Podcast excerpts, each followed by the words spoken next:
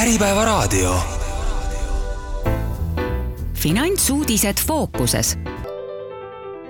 head kuulajad, Äripäeva raadio igakuise saate Finantsuudised fookuses tegijate poolt ütleb teile tere, saatejuht Paavo Siimann. täna räägime sellest, millised on Eesti ettevõtjate väljakutsed maksuseadustest arusaamisel. stuudios on PwC Eesti maksukonsultatsioonide osakonna juht Hannes Lentsius ning KPMG partner ja maksuteenuste juht Joel Sernask, tere tulemast! tere! tere! no lähemegi selle põhiküsimuse juurde, et teie puutute iga päev maksudega kokku ja maksuseaduste ja maksujuhenditega ja väljakutsetega, millised on Eesti ettevõtjate peamised väljakutsed hetkel maksuseadustest ja juhenditest arusaamisel? Ma arvan, et suurettevõtete puhul äh, peamine teema, millega äh, tegeletakse, on siirdehinnad ja eelkõige finantseerimistehingute äh, siirdehinnad, ehk siis tavaliselt intressimäär. väikeettevõtetel on veidi teistsugused mured, on see siis käibemaks või, või kulude mahaarvamise küsimused? noh, võib nii öelda küll, jah. seal on palju selliseid erinevaid nüansse, et, et kui me nagu mõtleme, et, et, et mida siis riik nagu taga ajada võiks, et äh, võiks ikkagi korjata makse sealt, kust võtta on, aga, aga noh, paraku elus nagu ikka on nii, et, et võetakse sealt, kus lihtsam on niimoodi, et et tihtipeale tegelevad siis väikeettevõtjad äh, õigustamaks, et äh, miks nad on siis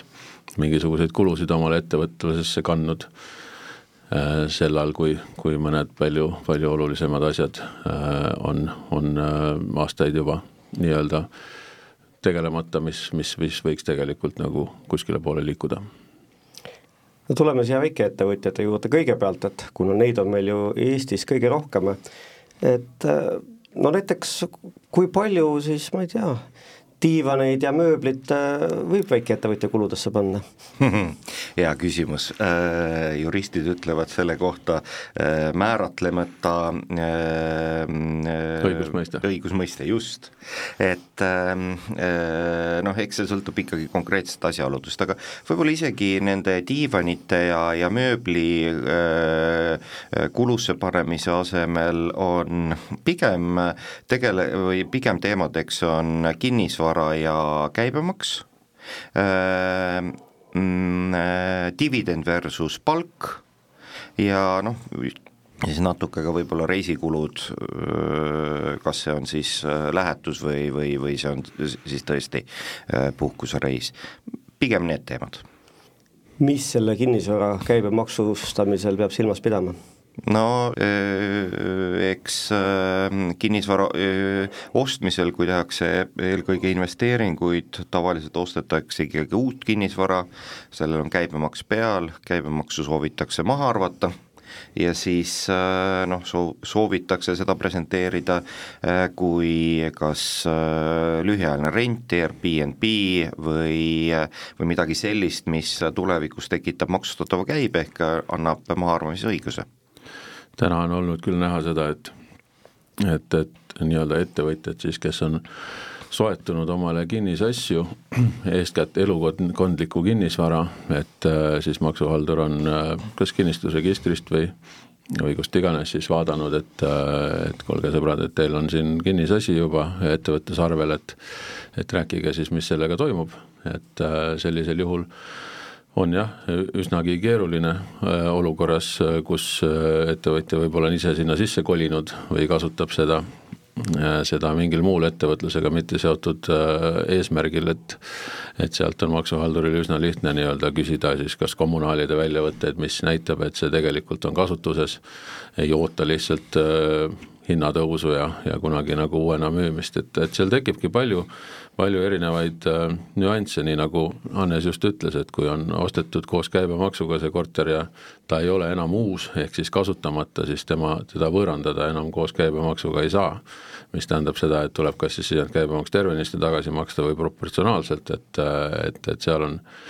seal on päris palju pikki vaidlusi sellel teemal nagu käimas, et, et ühesõnaga nagu lühike, lühike soovitus oleks nagu hästi läbi mõelda see äh, nii-öelda oma äriplaan äh,, kui, kui siis elukondlikku kinnisvara äh, ettevõttesse osta no üldse selgitage mulle, et äh, nagu mina tean, et erisoodustus on Eestis tunduvalt rohkem maksustatud kui näiteks dividendi võtmine, et et mis mõte mul peaks üldse olema enda isikliku ja ettevõtte rahakotis asja ajada? no erisoodustus on äh, maksustatud rohkem selle tõttu, et erisoodustus on äh, nii-öelda mitterahaline palk, ehk siis tal on samad maksud nagu palgakuludel, aga lihtsalt nende arvutatakse üles siis erisoodustuse netoväärtuselt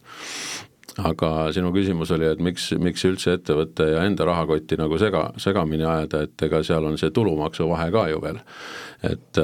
et, et ega siis äh, ükski ettevõtja kogu oma ettevõtte tulu ei maksa ju endale palgaks, äh, et, et isegi, isegi kui tulud on väiksed ja, ja palgakulud on suured, siis noh, ikkagi tasub seal nii-öelda natuke optimeerida selles kontekstis, et mitte siis seda palka nüüd liiga, liiga suurena maksta, aga, aga tulumaks loomulikult on seal veel vahel, pluss veel käibemaks, et ettevõtlusega seotud kulud on ju käibemaks maha arvatav niimoodi, et noh, tegelikult motivatsiooni seda, neid rahakotte segamini ajada on ikkagi küll ja enam mm. -hmm. Ja lisaks veel on üks äh, huvitav Riigikohtu lahend, ma arvan, et see on juba kaks või kolm aastat vana, mis ähm, ütleb väga selgelt, et juhul, kui tegemist on osanikuga, kellel tehakse väljamakset, siis äh, tal on õigus otsustada kas see on palk ehk erisoodustus või see on dividendimakse ja noh, maksuhaldur on äh, siin aastaid äh, proovinud leida valemit, äh, kuidas dividende maksustada ka sotsiaalmaksuga, noh, vahel see neil õnnestub, vahel mitte, aga sellist head, head reeglit neil ei ole, pluss need kõik on sellise juhendi tasemele jäänud nii et äh, kui teil kunagi on äh, vaidlus, kas see on erisoodustus või dividend, siis ärge jätke seda argumenti kasutamata. seal on äh, ma kujutan ette, et üsna palju meie kuulajatest on ka võib-olla saanud nii-öelda kõne või, või emaili või viisaka kutse siis maksuhalduri poolt tulla nõustamisele, kelle finantsaruandeid või maksudeklaratsioone siis Maksuamet on jälginud ja, ja tuvastanud, et nad maksavad siis sektori tavapärasest väiksemat palka. nüüd see Maksuameti palk versus dividendjuhend äh, iseenesest juhendab äh, palka maksma Statistikaameti vastava tööstusharu keskmise keskmise järgi, aga minu kogemusel on küll päris paljud ettevõtjad kutsutud vaibale ka oluliselt suuremas summas palka makstes, kuna Maksuamet näeb nii-öelda konkurentide numbreid ka, mida maksumaksja tegelikult ei näe, et et aga ma väga selles mõttes nii-öelda Äh, julgustaks ikkagi kohale minema ja, ja, ja, ja, ja rääkima, et, et ettevõtjad ise oskab kindlasti palju rohkem selgitada oma tegevuse tagamaid, kui, kui maksuhaldur seda, seda esmapilgul nagu mõista suudab ja ega siis maksuhalduri poolt küsimuste küsimine ei ole midagi imelikku, see on nende töö ja nad peavadki seda tegema. no mina olen aru saanud, et nagu tasu tuleks maksta nagu aktiivse tegevuse eest ja, ja omanikutulu on pigem nagu passiivse tegevuse eest. see on tõsi et äh, seal on lihtsalt keeruline mõnikord eristada seda, et mis on aktiivne ja mis on passiivne, et, et passiivne tulu olemuslikult on nii-öelda laekuvad litsentsitasud, äh, rent, dividendid, mille tarbeks nagu mitte midagi ei tehta. aga noh, see on ka ju narr, et, et kuidas sa nagu raha teenid ilma midagi tegemata, et, et, et see aktiivse ja passiivse vahe on, on mõnikord päris keeruliselt eristatav aga kas mingi selline seadusepunkt on olemas, mis sunnib, et omanikku endale palka maksma, et võib-olla ma tahangi enda ettevõttes vabatahtlik olla? ei ole, ühtegi kohustust äh, palka maksta ei ole, lihtsalt küsimus ongi selles, et kui ettevõte teenib tulu äh, nii-öelda äh, selle omaniku või juhatuse liikme pingutuse kaudu, siis äh, see on see argument, mida maksuhaldur saab siis kasutada, et kui teie siin äh, nii-öelda oma ühe mehe firma kaudu äh, pääsete äh, nagu maksustamise mõttes ainult tulumaksuga, ehk siis võttes välja nagu omanikutulu ja teie kõrval konkurent, kes teeb sama tööd, äh, noh, omab nagu töötajaid, kelle pealt siis makstakse ka sotsiaalmaksu, siis teil oleks justkui nagu ebavõrdne äh, eelis äh, sotsiaalmaksu võrra, et noh, see on see põhjus, miks üleüldse palk versus dividend nii-öelda teemadest räägitakse just ja, ja noh, ma juhin tähelepanu, et ega see, see ei ole teoreetiline teema, et maksuhaldur on vähemalt minu hinnangul selle selgelt võtnud fookusesse, me, meie majas on kaks vaidlust, dividend versus palk, mis on juba noh, kohtuvaidlus, mitte ka kohtueelne vaidlus, nii et noh, juhul kui kui makstakse miinimumpalka, et äh, ravikindlustust saada ja siis makstakse võib-olla äh, halval juhul iga kuu, aga paremal juhul võib-olla kuus korda aastas äh, dividendi endale, noh, need on need kaasused, mis tõenäoliselt lõpevad ühe, ühe maksuvaidlusega. ja noh, nii Hannesel kui minul käib ju ettevõtjaid küll ja enam, värskeid investoreid, kes Eestisse tulevad ja küsivad, et noh, et aga palju ma siis peaksin omale maksma. et äh, ega siin ei ole ühte vastust, et nagu maksan nüüd nii palju, me oleme, ma arvan, et Hannes, sina ka, me oleme rääkinud sellest Maksuameti juhisest, et äh, tuleks vaadata Statistikaameti tööstusharu keskmist ja selle järgi maksta aga noh, ma olen ausalt öelnud, et mina ütleks, et nagu viisakas oleks maksta ikkagi Eesti keskmist palka, kui kui, kui tulud on nagu olulisel määral suuremad, et, et vaadata seda, seda statistikat, aga noh, mitte, mitte minna selle peale, et, et nüüd noh, nii-öelda moe pärast saaks nagu Haigekassa kätte ja ülejäänud siis oleks juba omaniku tulu, et eks see ole niisugune enesetunde küsimus, aga aga noh, meie, meie võimalus äh, nii-öelda äh, aidata maksukeskkonda, on ka see, et me lihtsalt anname soovituse, mis meile endale tundub õige. Mhm. ja ma arvan, et ähm, äh, äh, mida äh, tihti alahinnatakse, on maksuhalduri võimekus et juhul, kui äh, ikkagi maksurevisjon või maksukontroll algatatakse, siis seda tehakse väga põhjalikult, sellepärast riigil on äh, ressurss ja riigil on aega ja see, et äh, ah, ma räägin ähm, ametniku ära, see strateegia tavaliselt ei tööta. Kuidas ettevõte peab talitama, et kui ta saab siis kas e-kirja või telefonikõne maksuhaldurilt, et meil on nüüd teie konkreetse ettevõtte vastu huvi, et äh, kuidas see protsess välja näeb? Äh, noh, kui see ei ole veel kontrollmenetlus, ehk see on lihtsalt äh, infopäring, siis äh, noh, mina äh, soovitan küll äh, sellele vastata. Äh,, kui ka on äh, midagi, mis viitab selle peale, et maksud ei ole korrektselt makstud, noh siis tuleb oma käitust muuta, aga seda ignoreerida äh, ei ole hea, sellepärast et noh, tava, tavapäraselt see läheb äh, üle maksukontrolliks ja sellisel juhul on kohustus juba vastata. seal on äh, tõsi see, et äh, Eesti maksuhalduri nii-öelda tavapärane käitumine on kõigepealt pöörduda siis emailiga, et meil on sellised küsimused teie kas viimase deklaratsiooni või teie maksekäitumise kohta ja seal emaili lõpus on siis lause, et, et see, te ei ole kohustatud vastama, aga teie nii-öelda edasistest liigutustest me otsustame, kas on põhjust algatada maksumenetlust. no nagu Hanneski soovitan mina ka vastata, et ega selles mõttes maksuhaldurit ei ole vaja karta, et nendega suhtlemine on ettevõtluse lahutamatu osa ja, ja, ja nemad teevad oma tööd ja küsivad küsimusi, et, et igal juhul on mõistlik vastata, küll aga ma täiesti ausalt ja, ja objektiivselt soovitan, et kui teil on midagi nii-öelda noh, mõelda või, või, või ei ole päris kindlad, et, et konsulteerige maksunõustajatega, et, et, et no valesti antud vastuseid nagu tagasi kuidagi saada, on väga keeruline. Aga kui ma nüüd äh, saangi e-kirja ja nagu öeldakse, süvenen oma maksukäitumisse ja avastangi, et olen vead teinud noh, kas tahtmatult või tahtlikult, kas ma siis pean umbes, ma ei tea, kolm aastat tagasi deklaratsiooni minema parandama või kui niisugune süstemaatiline viga on või piisab sellest, et ma nüüd edaspidi olen korralik? no aga see on,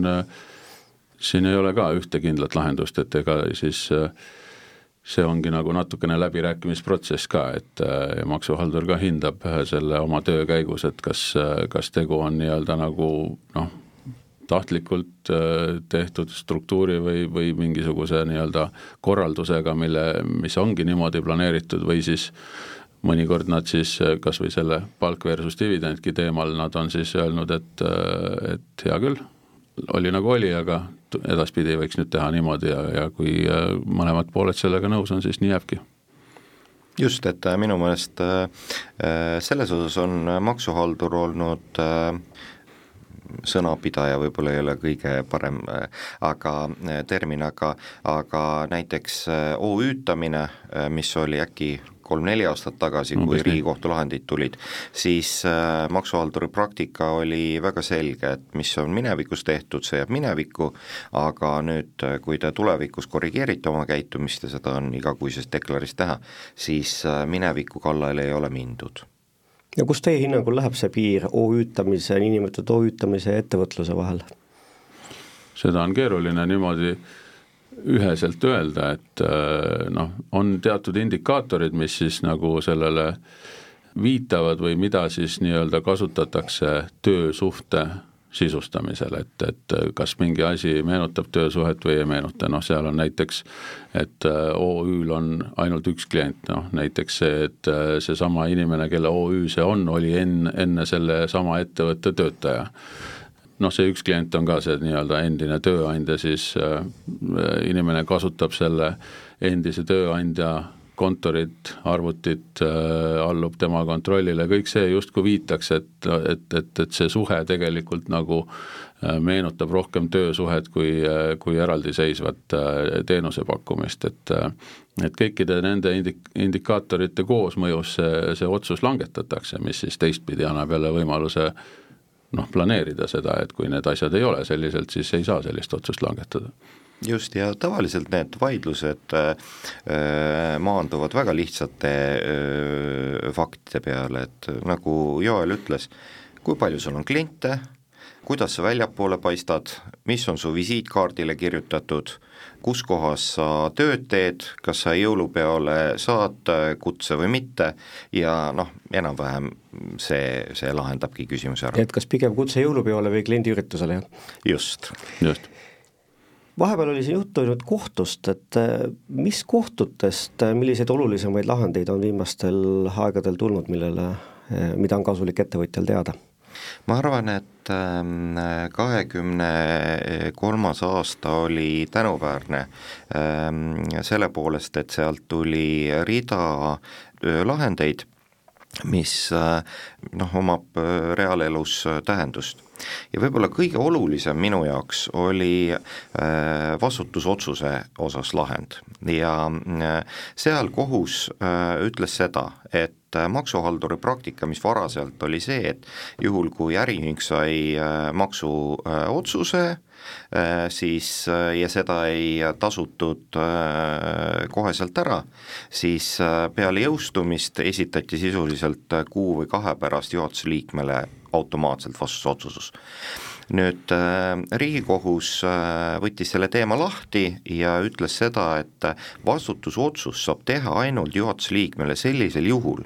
kui on võimalik tõendada, et äh, juhatuse liige äh, tahtlikult äh, hoidis maksudest kõrvale. Ja see konkreetne kaasus oligi selline õnnetu kaasus, kus see puudutas ühte väikest poodi, kes Covidi ajal üritas ellu jääda, laenas ise veel sellele ühingule raha juurde, deklareeris kõik maksud korrektselt ära, aga noh, kahjuks äri ei tulnud välja. Äh, ja seal siis maksuhaldur läks oma tavapärast rada, et et nõudis äh, maksuotsusega sisse ähm, ähm, ühingult maksu ja automaatselt esitas äh, juhatuse liikme vastu nõude. ja siin tõesti kohus tegi selge vahe sisse, et kui ikkagi tahtlikult juhatuse liige ei tegelenud maksudest kõrvalehoidmisega, siis vastusotsust ei ole võimalik ja ma arvan, et see tõenäoliselt muudab ka laiemalt Äh, kohtupraktikat, mul ei ole kahekümne kolmanda aasta äh, statistikat, aga kakskümmend üks või kakskümmend kaks oli äh, äh, statistika enam-vähem kaks protsenti maksuasjadest võitis maksumaksja üheksakümmend kaheksa oli kõik äh, maksuhalduri kasuks. ja kui võtta nüüd see äh, lahti, et mis siis vaidlused on, väga suur osa oli äh, just vastusotsused ja siis käibemaksupettused ja öö, ümbrikupalgad mm. -hmm. ja siis võib-olla väike tükike oli ka siis sisulisi vaidlusi, on see siis tulumaksu poole pealt või, või siirnehindade poole pealt või et ma loodan, et ka see kohtulahend aitab seda statistikat oluliselt maksumaksja kasuks pöörata, sest noh, sellel on selles mõttes negatiivne ütleme noh, trend või indikatsioon, et et kui, kui ettevõtja saab maksuotsuse, tuleb nõustaja juurde, vaidlen, ei vaidle, noh, alati hinnatakse ka kulu ja võitmistõenäosust ja kui ma ütlen, et üks keskmine maksuvaidlus on seal võib-olla viis või kümme tuhat eurot ja tõenäosus võita on kaks protsenti, noh, siis, siis väga paljud ettevõtjad ka jätavad äh, vaidlemata. jah, mina olen nõus, see on väga oluline lahend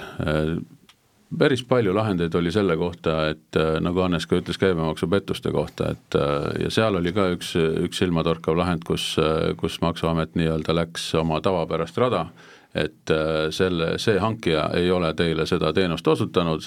järelikult siis need käibemaks ei ole mahaarvatav aga äh, maksumaksja suutis nagu kenasti ära tõendada, et ta on kõik endast oleneva teinud äh,, nii nagu äh,, nagu on Maksuameti juhised, nii nagu on ettevõtja hoolsuskohustus, ta on kõik endast teinud äh, tuvastamaks, et see ettevõtja võiks olla see äh, tema nii-öelda tegelik pakkuja ja, ja selle tõttu ka ta ka nii-öelda äh, selle vaidluse võitis, et, et mida, mida nagu inimestele siit kõrva taha on panna see, et, et ehitussektoris eeskätt on see hästi tavapärane, et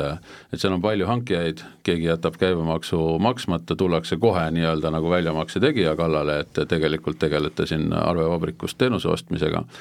Et, et olge hoolsad ja, ja, ja, ja, ja kindlustage oma tagalat sellega, et te teete kõik eeltöö ära oma hankijate kohta ja, ja kaks tuhat kakskümmend neli kohta ma tahtsin öelda, et äh, huvitaval kombel selle lühikese aja jooksul on juba kolm ringkonnakohtu lahendit tulnud, mis kõik on samal teemal, et kus maksumaksja on vaidlustanud oma kohustuse maksuhaldurile siis infot anda või kohale minna. No kõik on kaotanud, nii et äh, lühike soovitus siin on, minge kohale, kui teid kutsutakse, et ega sellest pääsu pole ja tegelikult kaks tuhat kakskümmend neli me ootame päris äh, mitut huvitavat kohtulahendit, et mis on näiteks omakapitali sissemaksete majandusliku sisu kohta või midagi niisugust, asjad, mis on nagu päevakorras olnud juba aastaid, aga mis ei ole kunagi kohtusse jõudnud niimoodi, et vaikselt nad edenevad ja, ja üha huvitavamaid lahendeid, ma arvan, et äh, hakkab tulema. ma korra täpsustan see, millest Hannes rääkis, et äh, kas ma saan õigesti aru, et kui ma nagu ettevõtjana ebaõnnestun, ettevõte muutub maksejõuetuks, noh seetõttu, et ma ei tea, väliskeskkond muutub või noh, ma ei ole võib-olla kõige nutikam ärimees, siis ei saa minu vastu kui juhatuse liikme vastu seda maksuotsust pöörata, aga kui ma olen siis pununud mingi skeemi, et maksudest kõrvale hiilida juhatuse liikmena, siis seda võib teha. just ja seal on kaks terminit, on tahtlus ja raske hooletus. Et äh, need on mõlemad asjad, mida, millest juhatuse liige peaks hoiduma, et, äh, et mitte kahjustada oma, oma äri, äritervist ja ja kui emb-kumb neist või mõlemad on tuvastatavad, siis, äh, siis paraku on keeruline, tuleme nüüd selle juurde, et ma olen kuulnud, et maksuhaldur võib maksustamiseks kasutada ka kaudseid tõendeid, mida see tähendab? no kaudsed tõendid tähendavad nii-öelda, kuidas nüüd öelda siis nagu, et ei ole nii-öelda käega katsutavat tõendusmaterjali selle kohta, et midagi on, on tehtud või tegemata jäetud, aga nii-öelda vaatlus või, või siis maksumaksja käitumine äh, viitab sellele, et äh,, et see pilt ei jookse nagu päris hästi kokku. no võib-olla noh, ilmekam näide kaudsetest tõenditest on, on see, kui äh, kui maksumaksjal siis nii-öelda kas mingil põhjusel on, on, näidatakse nagu tulusid erakordselt väiksena, aga tema äh, elustiil või, või kulutamisharjumused ei klapi kuidagi kokku selle, selle pildiga, mis siis maksumaksjale paistab, et, et see võib-olla on kõige lihtsam nagu selline kaudsete tõendite näide. Ma ei, ei, just ja äh, see on juba tegelikult aastakümneid tendents, et äh, maksuhaldur rakendab niinimetatud majandusliku tõlgendamise teooriat, et ta vaatab juriidilisi tehinguid läbi ja üritab leida sealt seda majanduslikku tehingut. Ja kohtud on äh, korduvalt äh, Maksuametit äh, noh, korrale kutsunud, ehk et, et tänane praktika on see, kus maksuhaldur üritab ähm, endiselt tehinguid maksustada majanduslikust loogikast mm -hmm. lähtuvalt, mitte juriidilisest loogikast. Et äh, noh, ma toon sellise markantse näite, meie majas on üks vaidlus, kus äh, äh, ainuosanik, füüsiline isik, võttis oma osaühingust laenu. äh,, osaühingu suhtes algatati maksukontroll, tehti äh, kontrollakt, kus öeldi, et see laen on majanduslikus mõttes dividend ja paluti siis tulumaks ära maksta.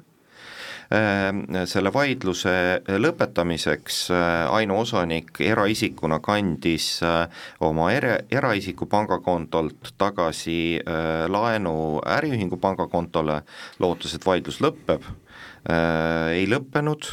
tuli uus kontrollakt ja öeldi, et tagasimakse on näilik ja näilik seetõttu, et vahet ei ole, kas sa hoiad raha oma pangakontol või äriühingu pangakontol, et kuna sa kontrollid oma osaühingut, siis, siis see on, tagasimakse on tehtud maksudest kõrvalehoidumise eesmärgil. ehk et äh, me nõustajatena näeme äh, igapäevaselt, kuidas maksuhaldur äh, kuidagi sisustab juriidiliseid tehinguid väga kuidagi kas oma vinklist või siis justkui sellise maja, majandusliku tõlgenduse tõlgendamise teooria järgi. see on, ma olen väga nõus sellega, et noh, see on puhas avantürism juba, millest, millest Hannes räägib, aga aga jaa, me näeme seda järjest rohkem ka sellistel puhkudel, näiteks kui me oleme siin juba kaks korda rääkinud käibemaksupettustest, et kus ei ole käibemaksupettust, et on, on, aga Maksuamet on tõstnud üles taaskord sama teema, et selle, see ettevõtja ei ole teile seda teenust osutanud, kuigi teenus on saadud, järelikult tulumaksuga maksustada ei saa, aga sisendkäibemaksude maha arvata ei saa. aga kuna see sisend, see käibemaks on ju makstud, siis uus äh, selline heureka, mis maksuhalduril on tekkinud, et järelikult see käibemaks on siis ettevõtlusega mitte seotud kulu ehk siis põhimõtteliselt äh, ettevõtja jääb käibemaksust ilma ja peab veel tulumaksu otsa maksma sellele, et ta nagu käibema-, sisendkäibemaksust ilma jääb, et see see on, on, on selline uus tendents, mida me hiljuti oleme siin tuvastanud, mis tegelikult on, on päris, päris nii-öelda jõuline no selle peale vist niisugune tavaline ettevõtja ei oska isegi tulla, et selle koha peal võib veel tulumaksukohustus tekkida. absoluutselt. aga ma küsin, et ma saan aru ju, te olete ka ettevõtte omanikule laenu ei saa anda ju? Äh, noh, see on selline juriidiline finess, et äh, äriseadustik tõesti keelab seda aga ta ütleb seda, et äh, see tehing on lihtsalt tühine äh, maksuõiguses on selline põhimõte, et maksustatakse, nagu me rääkisime, äh, sisulisi tehinguid või majandusliku, majanduslikke tehinguid, mitte juriidilisi, ehk et noh, hästi markantne näide, et et kui ähm, kui varas läheb poodi ja varastab kaupa, siis äh, põhimõtteliselt ta peaks ka selle pealt tulumaksu maksma, sest see on ikkagi tema tulu, kuigi see alustehing on, äh, on äh, karistusõiguslikult karistatav. et noh, jällegi, et majandusliku või maksunduslikult on võimalik oma osaühingul laenu anda küll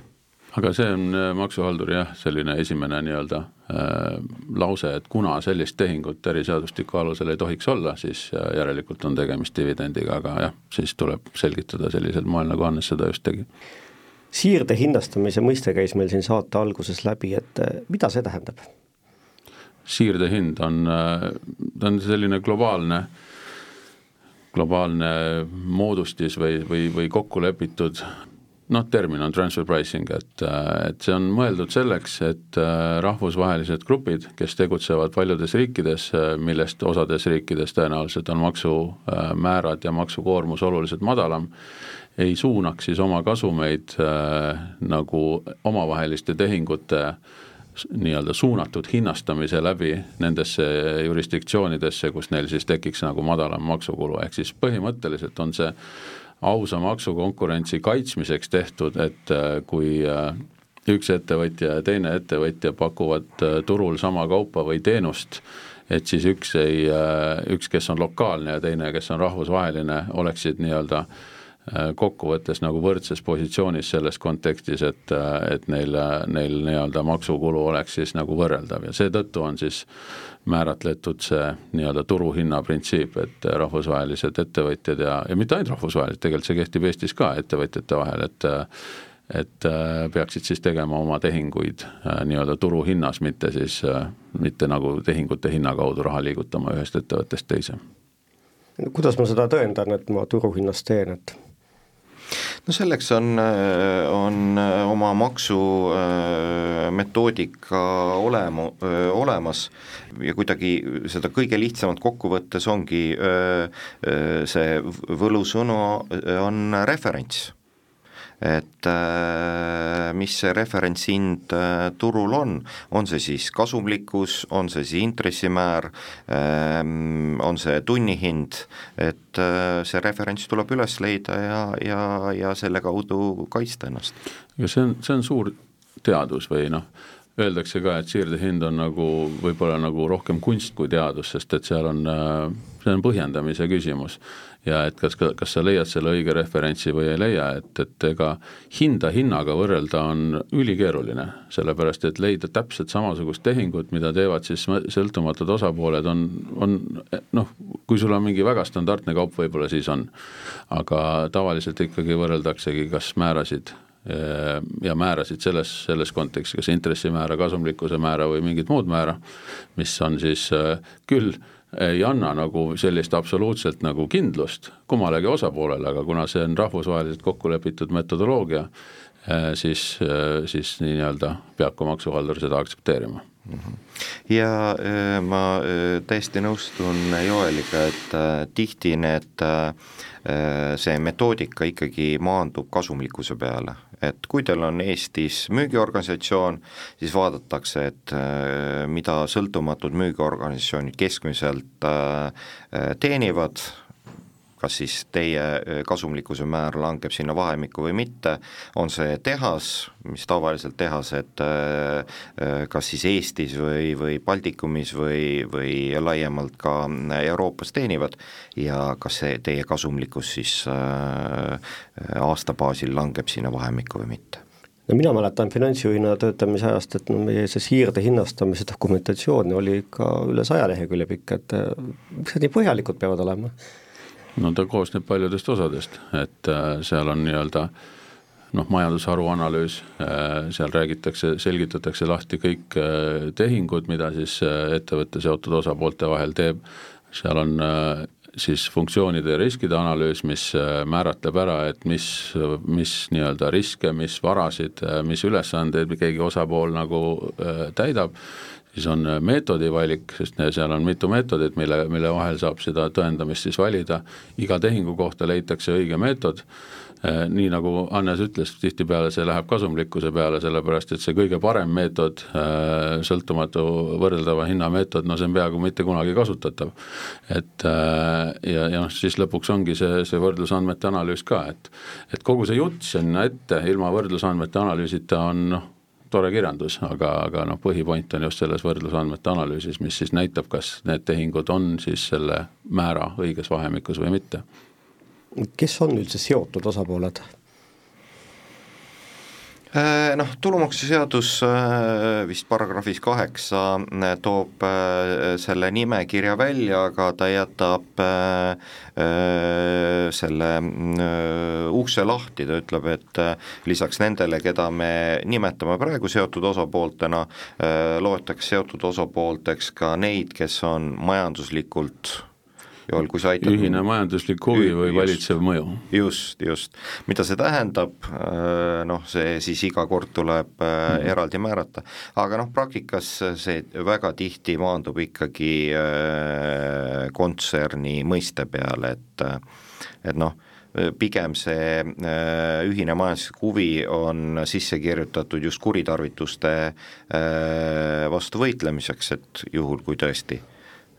ma ei tea, siin öö, osalus antakse lähisugulasele ja, ja üritatakse väita, et nad ei ole seotud, et siis oleks maksuhalduril tööriist olemas, aga ma julgen öelda, üheksakümmend üheksa protsenti juhtudest see ikkagi maandub sinna kontserni mõiste all. jah, et ja, ja tõepoolest, see on seadusandja poolt meelega jäetud nagu äh, suhteliselt paindlikuks, et siis maksuhalduril oleks võimalik seda seotust nagu omalt poolt määratleda, et äh, paljudes riikides ei ole üldse nagu äh, seda näidisloetelugi, mis Eestis, Eestis on olemas. see loetelu oli enne olemas, kui äh, see ühine majanduslik huvi ja valitsev mõju sinna sisse toodi, et, et see lihtsalt jäeti sinna alles, et noh, need kindlasti, aga lisaks veel siis, kui on ühine majanduslik huvi või valitsev mõju kontsernis ettevõtete omavahelised laenud, kas võib-olla lihtsam oleks näiteks kontserni konto moodustada, et siis korjatakse ööseks raha kuskile kontole kokku ja hommikul antakse nii palju, kui vaja on arvete tasumiseks või kui palju näiteks, kas te soovitate kontserni kontot või see teeb pigem elu keerulisemaks? Kui see on õigesti hinnastatud, siis, äh, siis äh, seal ei ole maksuriski või maksunurka, et äh, et probleem on praktikas pigem see, et kontsernikontot kasutatakse vaba rahajäägi väga pikaajaliseks hoiustamiseks ja selle eest Eesti ettevõtjad intressimäära kas saavad või saavad väga vähe. ja meie ülesanne või meie nii-öelda väärtus klientidele, äh, minul ja Hannesel on, on see, et me aitame nende eesmärke saavutada äh, lihtsalt äh, veendudes siis ja toetades siis maksu, maksunurga alt. et loomulikult me soovitame kontsernikontot, sest see on üdini mõistlik asi, et seal lihtsalt tulebki veenduda selles, et, et selle kontsernikonto kasutamise hinnastamine oleks, oleks nii-öelda äh, noh, turvaliselt tehtud ja, ja kui tõepoolest äh, sellest kontsernikonto kokkuleppest paistab, et äh, tegemist on ikkagi pikaajalise laenuga või veel hullem, et äh, see raha on tegelikult nagu juba nii-öelda pöördumatult kadunud, siis, siis, siis me sellest klienti ka informeerime, et need on sellised variandid, mida siis, mida siis sellega edasi võtta mm. -hmm ja äh, praktilise poole pealt, et, äh, et äh, kui ettevõtjad loodavad või usuvad, et see, sellised tehingud maksuhalduri fookusesse ei jõua, siis see lootus ei ole kahjuks õigustatud, et nii kontsernikontot kui ka ähm, grupisiseseid laene tuleb deklareerida eraldi maksudeklaratsioonis, sellest saab maksuhaldur esimese indikatsiooni, organisatsiooni, äh, ma usun, et nad jälgivad ka majandusaasta aruandeid, kus see tuleb välja, nii et noh, meie, meie kõrvaltvaade on see, et, et äh, kõik suured rahvusvahelised grupid, kellel on kontsernikontod või kontsernisisesed finantseerimised eelkõige, kui seda, see raha on Eestist välja läinud, varem või hiljem jõuavad fookusesse. Väga palju on neid, neid kaasuseid tõepoolest, et nad ei ole kõik maksuvaidlusteni läinud, aga nad algavad samamoodi nagu, nagu need, millest me siin saate alguses rääkisime, et maksuhaldur siis küsib infot selle kohta, et äh, me näeme, kas siis äh, teie infist või teie aastaaruandest seotud osapoolte lisast, et teil on suured nõuded äh, grupiettevõtete vastu, et et tahaks rääkida, mis tingimustel see raha siis välja on läinud ja et äh, ja noh, nende äh, selliste tehingutega on kaks maksuriski. Äh, esiteks on intressimäär, et kas selle finantseeringu eest saadakse turuhinnas intressi, aga teine on ka varjatud dividend ja ka seda maksuhaldur kontrollib või, või, või, või noh, seda argumenti proovib testida, et äh, me ei räägi lihtsalt äh, intressimääralt või teenimata intressimääralt tulumaksuriskist, aga me räägime ka kogu laenusumma pealt äh, tulumaksuriskist, mis on kaks väga erinevat ja, suurust. väga suur, suure vahega jah, ja maksu, maksumaksja peab arvestama, et maksuhaldur tuleb sellele jutule tegelikult eelhäälestusega, et tegemist on varjatud dividendiga kui see hirm saab või nii-öelda see nii-öelda kahtlustus saab maha võetud, et äh, siis ei ole asi veel lõppenud, et siis, siis läheb intressi üle nagu diskuteerimiseks, et et jah, aga need kaks on tõesti need põhipointid. ja, ja noh, kui jällegi äh, arvatakse, et ah, küll ma selle ametniku ära räägin äh,, noh, võib-olla teatud juhtudel see õnnestub, aga aga ma niimoodi noh, kutsun, kutsun üles ikkagi nendesse asjadesse tõsiselt suhtluma, maksuhalduril on piiramatu aeg, piiramatu ressurss, ta võtab teie argumendid lahti, ta teeb välispäringuid, mõned seda tüüpi menetlused, vähemalt meie majas, kestavad juba paar aastat, et see, et ah, ma midagi seletan ja siis jäetakse mind rahule, võib töötada, aga üldreeglina ei tööta mis see tähendab, maksuhaldur teeb välispäringuid? see tähendab seda, et äh, täpselt nagu Joel mainis, et äh, ta küsib äh, majandusaasta aruandeid, ta küsib äh, ka vahel ma- äh,, välisriigi või laenusaaja maksudeklaratsioone, ta veendub, et äh, see raha pole äh, äh, kaduma läinud äh,, ehk tegemist ei ole näiteks kahjumis ettevõtte finantseerimisega. Ta küsib krediidireitinguid, ehk ta kaardistab olukorda enda jaoks ära. kas maksuhaldur võib ka minu või ettevõtja teadmata küsida näiteks pangast minu ettevõtete pangakontode väljavõtteid? Mm, ja, ja kindlasti, aga noh, sel-, see eeldab seda, et äh, juba on algatatud maksukontroll ja eeldab seda, et ta on kõigepealt teie poole pöördunud, palunud seda infot esitada, te keeldute, mis iganes põhjusel, siis tal on tõesti õigus. et äh, üks äh, väljend, mida me sellistes menetlustes oleme näinud, on ülekapitaliseeritus, et äh, Eesti tulumaksusüsteem nii-öelda alateadlikult soodustab kasutama seda raha siis muud moodi kui dividendiks makstes, et ja siis grupisisesed laenud või finantseerimine või, või kontserni, kontsernikontol deponeerimine on üks viis seda teha. aga ma, me oleme näinud jah, korduvalt, et, et maksuhaldur siis kui maksumaksja on andnud selgituseks, miks neil on siis nii palju jaotamata kasumit, et noh, me siin ootame vaatame, jälgime turgu, võib-olla ostame ära kellegi konkurendi või midagi sellist, et kui siis juba see jutt nagu kaks-kolm aastat kestab, et Maksuamet üldiselt ei jäta järgi, kui ta on, on kellegiga nagu kirjavahetusse astunud. et ja, ja ühtegi ostu ega midagi isegi ühtegi nagu käegakatsutavat protsessi ei ole nagu algatatud, et siis ta ikkagi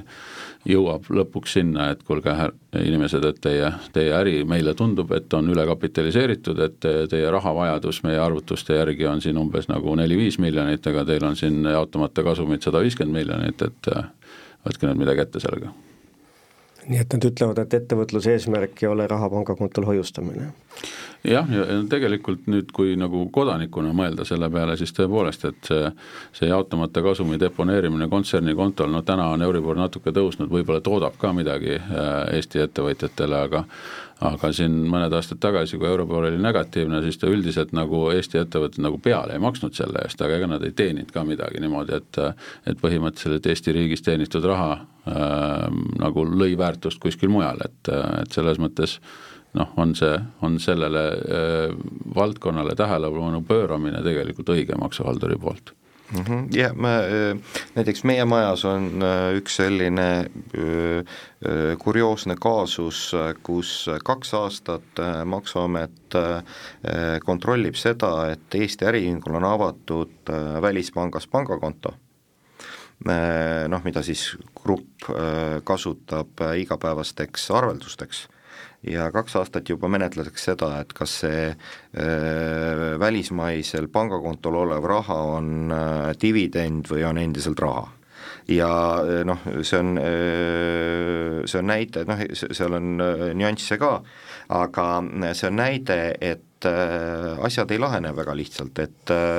kui, kui juba kontroll al-, algatatakse, siis minnakse ikkagi väga põhjalikuks no saate lõpetuseks veel mõned lühiteemad, et äh, kui minu ettevõte, ehk siis mu oma ka väljaspool Eestis, äh, näiteks tütarettevõtteid, kui ma olen maksnud ettevõtte tulumaksu mõnes teises riigis, kas ja mis tingimustel ma saan Eestis seda dividendide maksustamisel maha arvata, silmas pidada? Äh, seal on lihtne reegel, see mitte ainult välisriigis, vaid ka Eestis, et kui osalus on üle kümne protsendi, siis on äh, saadud dividend maksuvabalt edasi makstav, kui on osalus alla kümne protsendi, siis loetakse seda nii-öelda nagu ärikasumiks, ehk siis portfelli investeeringuks, mida, mille pealt siis tuleb uuesti tulumaksu maksta aga kas peab näiteks, kui on äh, välisriigist, et mingi topeltmaksustamise vältimise lepinguid kontrollima ja seda poolt? dividendi puhul ei, põhimõtteliselt võib öelda, et ei ole tarvis, sellepärast et äh, dividendi puhul on äh, riiklik, siseriiklik käsitlus nagu soodsam kui maksulepingus. aga kui on äh, mingisugused noh, ma ei tea, kas teenustasud teises liikmesriigis, kust võib-olla tulumaks kinni peetakse seal teises riigis, äh, sellisel juhul on küll kindlasti vaja maksulepinguid vaadata mm. -hmm ühed legendaarsemad teemad, mis nagu tavaliselt äh, kõik konverentsid ja koolitused täis toovad, on suvepäevad ja, ja sõiduautod. selles vallas on ka viimasel ajal mingeid arenguid või uudiseid? vist ei ole, võib-olla need vaidlused ka ei, ei jõua Big Fouri lauale. võiks öelda, et tundub, et maksuhaldur on ka hinnanud oma nii-öelda aega paremini, kui et äh, kohvi ja kommide pealt äh, erisoodustust või, või või külaliste või noh, vastuvõtukulu äh, deklareerimist nõuda, et, et tänuväärne on näha, et tegeldakse olulisemate asjadega. just, ja see noh, see viitab ka sellele, et kui te mingi infopäringu või veel hullem, kontrolli algatamise teate saate, siis noh, see, see ei ole lihtsalt Äh, lihtsalt äh, selline suvaline valik, vaid siin, seal on ikkagi eelriskihinnang tehtud, nii et äh, suh-, suhtuge tõsiselt. kas te näete, kuidas selline masinõppe ja tehishoiu ajastu, kuidas see maksu maksude maksmist ja maksuhalduri tegevust ja kogu sealt, kogu seda poolt mõjutama hakkab? kindlasti mõjutab väga palju, et, et ka tänane Maksuameti riskianalüüs, mida Hannes just mainis, põhineb ju nii-öelda robotiseeritud tehnoloogial, ega siis ei ole mingit meeletut kartoteeki, kus, kus inimesed istuksid ja võrdleksid andmeid. et äh, need lipukesed, mis üles kerkivad ja, ja, ja suunavad siis maksuhalduri kellegiga ühendust võtma, need on kõik automatiseeritud ja see, see tehnoloogia läheb järjest targemaks just ja noh, ma toon ühe väga lihtsa näite, et, et et äh, teatud sektorid, no võtame näiteks toitlustussektor, ähm, seda analüüsi on lihtne teha. võetakse käibedeklaratsiooni info, ehk et kui palju on sisendkäibemaksu maha arvatud, mis on kulu, võetakse DSD-d, vaadatakse, mis on äh, palgakulu, mis on äh, tavaliselt selle sektori keskmine palgakulu, pannakse kasumääraanne kokku, juhul kui see on kahjumis, noh, järelikult äh, see annab indikatsiooni, et äh, osa palgast makstakse ümbrikuna või, või kõik ei ole deklarist läbi käinud, et noh, need äh, mudelid ei ole ka mm, väga keerulised. suur tänu tänase vestluse eest, Joel Sernosk ja Hannes Lentsius ning palju edu teie tegemistes! aitäh! head kuulajad, selline oli Finantsuudised Fookuses seitsmendal veebruaril aastal kaks tuhat kakskümmend neli. helipuldi taga oli Andres Laanem ning mikrofoni ees Paavo Siimann järgmine saade nelja nädala pärast, kuuendal märtsil. Kuulmiseni!